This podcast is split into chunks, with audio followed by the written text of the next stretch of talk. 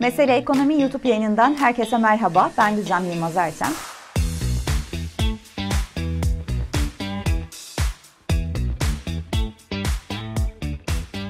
Bu hafta gündemimizde ne var? Yılı kapatıyoruz ama 2024 yılına hazır mıyız? Yatırımımızı nelere yapalım? Model portföyleri nasıl çeşitlendirelim? Yumurtaları tek sepete koymayalım. Peki hangi sepetlere koyalım? Bunu konuşacağız biraz. Bir diğeri de hepinizin çok iyi bildiği üzere çok yazıldı çizildi. Merkez Bankası Başkanı Hafize Gaye Erkan'ın Ahmet Hakan'a verdiği röportaj. Şimdi ne yapacağız da yatırımımızı e, enflasyonun üzerinde bir getiriyle taçlandırabileceğiz? Öncelikle bu sorunun cevabını bulabilmek için enflasyon beklentilerini doğru analiz etmek gerekiyor. Şimdi Merkez Bankası %36 diyor. Son anketler ise yaklaşık %40'larda bir 2024 yıl sonu enflasyonunu karşımıza getiriyor. Demek ki bizim yatırım yapacağımız enstrümanın da getirisinin en az %40-45 olması gerekli ki para kazanamayacağız belki ama mevcut tasarrufumuzu reel olarak koruyabilelim. Yani nominal artış olacak ama reel olarak e, yatırımımızın sabit kalması için hiç değilse bir 45'lerde bir getiri o enstrümanın bize sunması lazım. Şimdi 45 getiri hangi enstrüman sunar deyince hepimizin aklına herhalde e, ilk aşamada mevduat piyasası geliyor. Mevduat faizleri. Çünkü şu an bankalara gittiğinizde gerçekten e, net 45'lik faizi bulabiliyorsunuz. Bir yıllık 91 gün vade ama işte bir yıl sonunda %45 gibi bir kazancınız olabiliyor. Mevduat dışında nelere yatırım yapabiliriz diye baktığımızda cazip olan son dönemde bir e, tahvil piyasası var. Şimdi tabii orada faizler özellikle uzun vadeli tarafta 10 yıllık e, hazine tahvilleri %30'lardan e, 25'lere doğru gerileyince fiyat biraz pahalı hale geldi.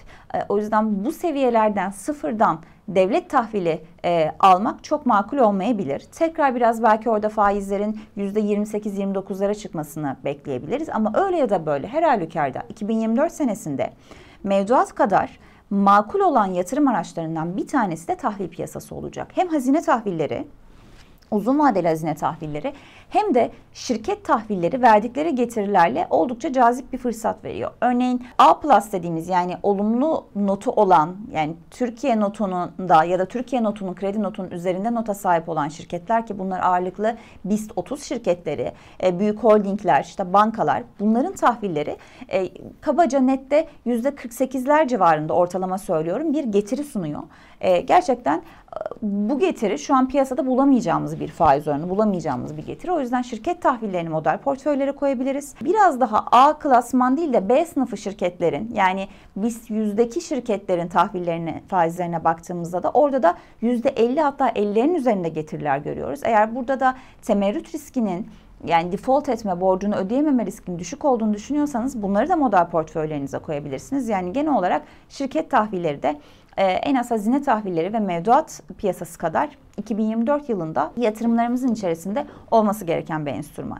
Peki diyeceksiniz ki şimdi her sene biz borsayı ve kuru konuşuruz. Hiç değinmediniz iki enstrümana da diye. Çok haklısınız. Çünkü doları çok uzun zamandır konuşmuyoruz. Yani dolar alalım mı satalım mı? 2023'te sadece bunun üzerine kafa yorarken 2024 bence bu konuda e, tartışma yapılmayacak bir sene olacak. Çünkü dolar TL'nin elbette yükselmesi bekleniyor ama Türk lirasının reel olarak değer kaybetmesi beklenmediği için genel kanaat piyasada hem yabancı kurumlar hem de yerli kurumlar %40-45 civarında kurun yükseleceğini bekliyor maksimum. Şimdi eğer böyle olursa dövizde paranızı tutmanız sizin için pek de mantıklı, makul bir yatırım olmayacak. Ama yine de genel olarak şu an e, fonların dağılımına baktığımızda hem bireysel emeklilik fonları hem de özel fonlar tefası açık olan fonların dağılımına da baktığımızda sepetler içerisinde kabaca %25-30'luk bir e, döviz enstrümanı olduğunu görüyoruz. Ama bunu e, spesifik döviz mevduat tutmak yerine Eurobond tutmak çünkü Türkiye'nin CDS'leri gerçekten benzer ülke CDS'lerinin altına geldi ve iyimser bir fiyatlama var. Dolayısıyla Eurobond tutarak fiyattan da bir kazançtan medet ummak e, ve buna ek olarak da döviz enstrümanı Amerika tahvilleri ve ABD borsalarından yana kullanmak daha mantıklı olacak. Yani 2024 senesinde aslında döviz enstrümanları içerisinde döviz bürosundan ya da bankadan alacağımız spot döviz çok da e, makul bir yatırım aracı değil gibi gözüküyor. Gelelim Borsa İstanbul'a. Borsa portföylerde kendine ne kadar yer bulacak? Aslında biz geçen senenin özellikle ikinci yarısından sonra gördüğümüz rallide hatta bu yılı kapatırken yabancıların da talebiyle beraber hisse piyasalarının cazip olduğunu özellikle son dönemde bankaların cazip olduğunu gördük. Ama 2024 senesi için ana tema e, bir önceki yayında da bahsetmiştim. Büyümede tökezleme, yavaş yavaş Türkiye'nin ortalamanın altında büyümesi, hatta çeyreksel bazda daralma ve belki bir teknik resesyon olduğu için yılın ilk 6 ayında Borsa İstanbul'un portföyler içerisindeki payının giderek azalması bekleniyor. Bunun içerisinde de eğer bir hisse e, alımı yapılacak, eğer bir hisse seçimi yapılacaksa da sanayi endeksinden ziyade çünkü büyümenin olmadığı ortamda sanayi çok fazla nemalanmaz. Bankacılığın daha cazip olduğu özellikle Merkez Bankası'nın işte öngörülebilirliği, faiz artışları, piyasanın doğru çalışması, ortodoks adımlar yani finansal istikrar, fiyat istikrarıyla beraber finansal istikrarın sağlandığı dönemlerde de zaten e, bankalar daha cazip getiriler sunar. Elbette burada kafalarda şöyle bir soru işareti olabilir. Bir yandan enflasyon muhasebesine dahil olmadılar. Çok vergi verecekler. Bir yandan karlılıklar üzerinde baskı olacak. İşte e, hem tüfek kağıtlarından hem de tahvil fiyatları hızlı bir şekilde e, son dönemde düştüğü için diyebilirsiniz. Yani rasyonel olarak banka bilançolarının karına bakıp bir yatırım tercihi yapacak olursak 2023'e göre 2024 o kadar güçlü olmayabilir. Ama değerlemeler anlamında sanayi ile bankacılık endeksine e, kıyasladığımızda bankaların gerçekten ucuz olduğu ve son dönemde Türkiye borsasına giren paraların da yabancı sermayenin de ağırlıklı bankalar üzerinden girdiğini görüyoruz. İşte bu sebeple bilançodaki karlılık göstergeleri değil ama e, fiyat olarak ucuz olması ve genel likiditenin bankacılık endeksine doğru kaymasından dolayı eğer 2024 yılında hisse piyasasına dair bir yatırım yapılacaksa, borsayı model portföyümüze koyacaksak sanayiden ziyade bankaların daha cazip olduğunu söyleyebiliriz. Kısaca toparlayacak olursak aslında önümüzdeki senenin yatırım teması her enstrümandan biraz biraz portföylere almak. Geçen sene olduğu gibi ilk yarıda sadece döviz, ikinci yarıda sadece borsa diyorduk. 2024 böyle bir yıl olmayacak. Daha karma portföylerin olacağı bir yıl olacak. Ve 2024'ün sürprizi de diyelim e, kredi ecelendirme kuruluşlarından gelebilecek bir not artışı. Yani sadece görünümün işte durağından pozitif alınması değil, gerçekten bir not artışı da piyasa için e, olumlu yönde bir ilmelenme olabilir. Hep pozitif şeylerden bahsettik. Hiç negatiflik yok mu? Elbette var. Eğer ana risk ne diye soracak olsanız ben yerel seçimleri bir risk olarak görmüyorum. Piyasada bence çok fazla yerel seçimlere anlam yüklemiyor. Sonuç ne olursa olsun diye altını çizelim. Ana risk Merkez Bankası'nın beklenenden önce faiz indirimi yapması olabilir ve mevcut aslında Moody's'in de söylediği gibi Hafize Hanım'ın röportajında da e, kafalarda soru işareti kaldığı gibi mevcut kemer sıkmanın ne kadar sürdürülebilir olabileceği herhalde en büyük risk de 2024 yılının bu olacak diyelim. Şimdi devam edelim. Merkez Bankası Başkanı Hafize Gaye Erkan'ın Ahmet Hakan'a verdiği röportaj. Aslında bu çok konuşuldu ama izninizle ben de bunun üzerine bir iki kelam etmek istiyorum. Verilen röportaj öncelikle pek samimi bulunmadı. Halbuki röportajın amacı bence Merkez Bankası'nın iletişim diline samimiyetin eklenmesiydi. Neden samimi bulunmadı? Ee, kanımca parasal aktarım mekanizmasına dair olan endişeler Hafize Gaye Erkan'ın özellikle hayat pahalılığı, işte fiyat istikrarı, yeterince kemer sıktık ifadelerinin sorgulanmasına sebep oldu.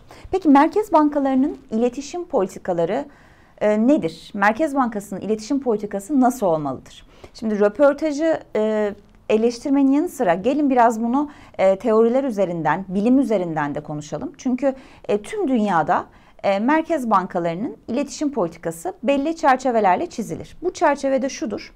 Bağımsızlık, hesap verme sorumluluğu, parasal aktarım mekanizması. Üç tane temel e, amaç vardır. TCMB iletişimi güdülürken bu üç maddeye bakılır. Şimdi bağımsızlık ve hesap verme sorumluluğu. Buna dair son dönemde çok da aslında olumlu bir iletişim politikası yoktu Merkez Bankası'nın. Özellikle bağımsızlıkla ilgili felak nas tartışmalarına sıkışmış bir piyasa. E, faiz artışının yapılamaması bir türlü. İşte Ağbal'ın önceki başkanın Ağbal'ın işte faizleri iki önceki başkanın 5 senede 5 Merkez Bankası değiştiği için karıştırıyoruz tabi. iki önceki başkanın faiz artışı sonrası görevden alınması Naci Ağbal'ın. E, tüm bunlar Merkez Bankası'nın bağımsızlığıyla ilgili iletişiminin zaten olmadığını yani iletişimin ana temel e, parametresi diyelim sınıfta kaldık. Bağımsızlık yok. Peki geçelim ikinci konuya. Hesap verme sorumluluğu. Bu da iletişim politikaları içerisinde oldukça önemli. Hesap verme sorumluluğunda da Merkez Bankası son yıllarda sınıfta kaldı. Çünkü e, hatırlayın 128 milyar dolar nerede tartışmasına bir cevap alamadık Merkez Bankası'ndan ve hatta genel seçimlerde bu muhalefetin de ana e, politikasıydı yani mevcut iktidarı eleştirirken ekonomi ile ilgili bu 128 milyar dolar neredeyi başlığa çıkartarak muhalefet haklı olarak mevcut e, siyasi düzeni, mevcut hükümeti eleştiriyordu. Bununla da kalmadı hesap verme sorumluluğundaki zafiyet diyelim zayıflık. Şahap Kavcıoğlu'nun hatırlayın İSO toplantısında e, bir e, reel sektör temsilcisine kredilerle ilgili yaptığı soruya, eleştiriye alma abi alma ifadesi. Şimdi bu da aslında hesap verme sorumluluğuyla ilgili Merkez Bankası'nın iletişimde sınıfta kaldığının en önemli göstergesi. Neden bunları sayıyorum? Çünkü e, Hafize Hanım'ın verdiği röportajın eleştirilmesinde aslında ne bağımsızlık ne de hesap verme sorumluluğuna ilişkin bir eleştiri yoktu. Yani Merkez Bankası'nın iletişim politikalarından iki tane önemli kalem aslında tartışılmıyor. Çünkü yeni başkanla beraber bunların aslında çözüldüğünü ve TCMB'nin hem e, daha bağımsız olduğunu ve hesap verme ve şeffaflık konusunda da yol kat ettiğini biliyoruz. Bakan Şimşek ve Hafize Gaye Erkan'ın göreve gelmesiyle beraber yerli yatırımcının da yabancı yatırımcının da kafasındaki bu soru işaretler giderek azaldı. O yüzden bence piyasa bu konuda son başkanı çok da ağır eleştirmemeli diye düşünüyorum. Gelelim parasal aktarım mekanizmasının doğru çalışmasına ve buradaki iletişim politikasına. Evet bununla ilgili hala e, bir gri alan var. Bunun sebebi de Türkiye'de ortodoks politikaların ne kadar kalıcı olup olmadığının belli olmaması. Yani enflasyon beklentilerini yönetme konusunda parasal aktarım mekanizması çok önemli. TCMB de iletişim yoluyla beklenti yönetimini yapar. Kısa vadeli faizleri belirler. Uzun vadeli de beklenti yönetimini yaptığı için kısa vadedeki politikada attığı adımlar yani son yaptığı faiz artışlarının uzun vadeye etkisinin olması için doğru iletişim ve beklenti yönetimiyle parasal aktarım mekanizmasını doğru çalıştırması gerekir. İşte bu konuda hala Merkez Bankası'na güven olmadığı için Hafize Gaye Erkan'ın Ahmet Hakan'a verdiği röportajdaki fiyat pahalılığı, işte hayat pahalılığı, yeterince kemer sıktık ifadeleri zannediyorum ki çok samimi bulunmadı. Hatta bununla ilgili Moody's'in bu hafta yayınlanan raporunda da benzer bir mesaj var. Moody's diyor ki Türkiye için evet rezervleri artırıyorsunuz. Evet cari açığa ilişkin kırılganlıklar azalıyor. Çünkü işte ithalat azalacak, iş tüketim azalacak. Bunlar olumlu ama biz yine de sizin görünümünüzü pozitife çevirmiyoruz. Çünkü Merkez Bankası'nın ortodoks politikalarına devam edip etmeyeceği konusunda emin değiliz. Yerel seçimlerden sonra TCMB erken bir faiz indirimine gidebilir.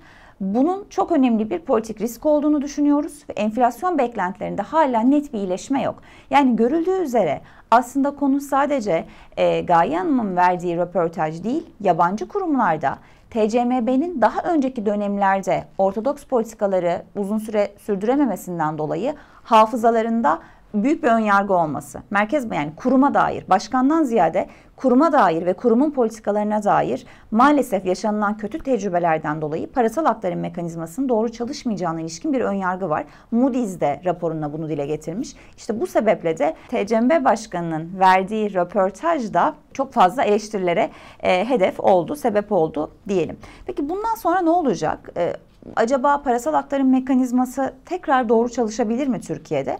E, bunun için iki tane temel e, bence çözüm var. Bir tanesi KKM'den dönen paraların e, mevcut likitte koşullarını daha az etkilemesi gerekiyor. Çünkü şu an öyle ya da böyle her ne kadar yeterince kemer sıktık denilse de e, şu an KKM dönüşleri ve Fatih Özatay'ın da sosyal medyada görmüşsünüzdür belki e, tweetlerinde yer verdiği mevcut likiditenin yeterince sıkı olmadığı eleştirileri şu an parasal aktarım mekanizmasının doğru çalışmadığına dair sinyal veriyor. Yani faizler artıyor Ama hala yeterince likitte sıkışıklığı yok.